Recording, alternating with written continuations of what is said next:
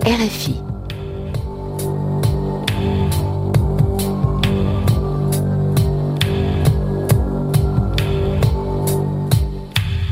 នៅខែកញ្ញាឆ្នាំ1967ការបះបោរកសិករនៅសំបូតបានឈានមកដល់ទីបញ្ចប់ប៉ុន្តែការវាយកម្ចាត់បណ្ដាញពួកខ្មែរក្រហមដោយប៉ូលីសរបស់សម្ដេចនរោត្តមសីហនុកាន់តែមានលក្ខណៈខ្លាំងក្លាថែមទៀត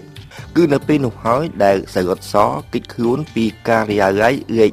100ហើយធ្វើដំណើរឆ្ពោះទៅផ្នែកខាងជើងសៃរតសរត់ឆ្លងព្រៃព្រឹក្សាអស់រយៈពេល15ថ្ងៃហើយបានមកដល់មូលដ្ឋានមួយ ដែលគេឲ្យឈ្មោះថាការិយាល័យលេខ102នៅពេលនោះសើអត់សចាប់ផ្ដើមគ្រុនចាញ់យ៉ាងខ្លាំងយោងទៅតាមការស្រាវជ្រាវរបស់ប្រវត្តិវិទូ David Chandler ក្រោយនោះបន្តិច ឈឹមសមុកបានធ្វើដំណើរមកទីនោះ ដែលមានសភាពស្ងាត់រងំគ្មានអ្នកណាទាំងអស់សូម្បីតែពេទ្យម្នាក់ក៏គ្មានដែរដោយការខិតខំប្រឹងប្រែងរបស់ឈឹមសមុកពលពតក៏បានជាសះស្បើយ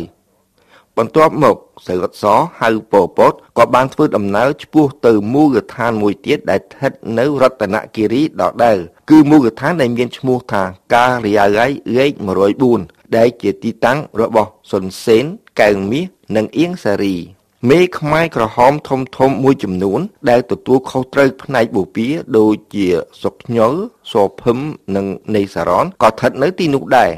នៅពេលនោះបើយោងទៅតាមឯកសាររបស់ David Chandler ដដែលបកកុម្មុយនីសកម្ពុជាកំពុងឆ្លងកាត់ដំណាក់កាលមួយប្រកបដោយគ្រោះថ្នាក់ព្រោះទាំងនៅក្នុងតំបន់សំរោទ ទាំងនៅតាមទីក្រុងប៉ូលីសរបស់សម្ដេចសីហនុដេញចាប់ពួកខ្មែរក្រហមដោយឥតត្រាប្រណីរីឯចលនាខ្មែរក្រហមនៅឆ្នាំ1967នោះក៏គ្មានមធ្យោបាយយោធាសម្រាប់ទប់ទល់ទាល់តែសោះលុះមកដល់ចុងឆ្នាំ1967ទើបចលនាខ្មែរក្រហមសម្រេចបង្កើតកងទ័ពរបស់ខ្លួនដើម្បីប្រយុទ្ធតស៊ូផ្លូវអាវុធទន្ទឹមនឹងការតស៊ូផ្នែកនយោបាយ ប៉ុន្តែទោះជាមានការលំបាកលំបិនយ៉ាងណាក្តីនៅពេលនោះក៏ក្រោយមកនៅឆ្នាំ1977គឺពេលដែលប៉ុលពតដណ្ដើមយកអំណាចបានទាំងមូលប៉ុលពតបែរជាបកស្រាយថានៅសម័យនោះប៉ូលីសរបស់សម្ដេចសីហនុ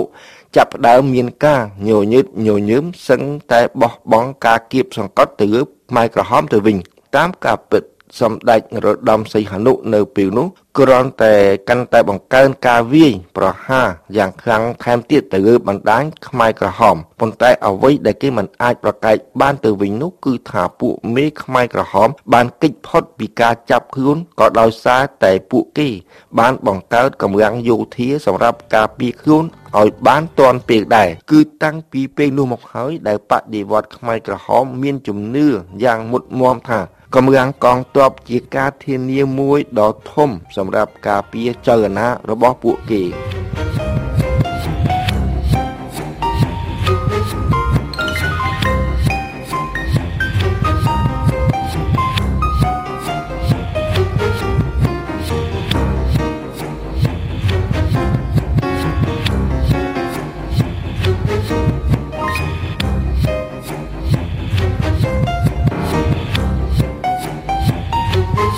ចំពោះការបង្កើតកងទ័ពខ្មែរក្រហមនៅចុងឆ្នាំ1967នោះ David Chandler បានសរសេរថានៅពេលនោះបកកុម្មុយនីសកម្ពុជាត្រូវមានតួនាទីមួយយ៉ាងសំខាន់ នៅក្នុងចលនាកុម្មុយនីសទាំងមូល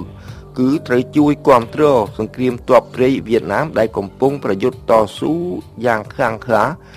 ទៅនឹងការវាយប្រហាររបស់អាមេរិក ទោះជាយ៉ាងនេះក៏ដោយក៏ពលពតពុំបានក្តាប់កងទ័ពខ្មែរក្រហមទាំងអស់ដែរគឺនៅក្នុងតំបន់ផ្សេងផ្សេងរបស់ខ្មែរក្រហម កងពលនីមួយនីមួយសុទ្ធតែមានមេកើរបស់គេផ្ទាល់ពលពតក៏គ្មានជំរឿសអ្វីទៀតក្រៅពីការផ្ដល់ស្វ័យភាពទៅឲ្យតំបន់ឬភូមិភាគទាំងនោះសិនដែរនេះជាចំណុចមួយដ៏សំខាន់ព្រោះថាបន្ទាប់ពីខ្មែរក្រហមបានវាយយកទីក្រុងភ្នំពេញបានហើយចៅអាណាខ្មែរក្រហមទាំងមូល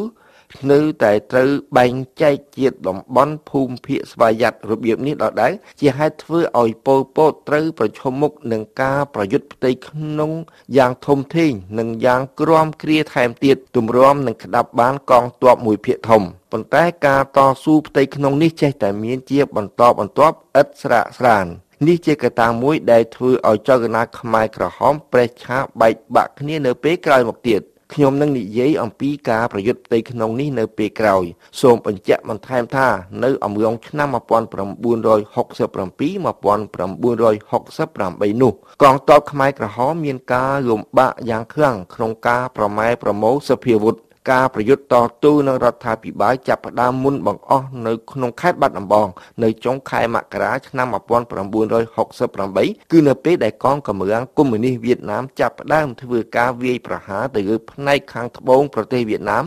នៅពេលបុណ្យចូលឆ្នាំចិនខ្ញុំសូមស្ទះត្រឹមនេះសិនចុះនៅសប្តាហ៍ក្រោយខ្ញុំនឹងនិយាយអំពីការប្រយុទ្ធផ្នែកយោធារបស់ខ្មែរក្រហមបន្តទៅទៀត។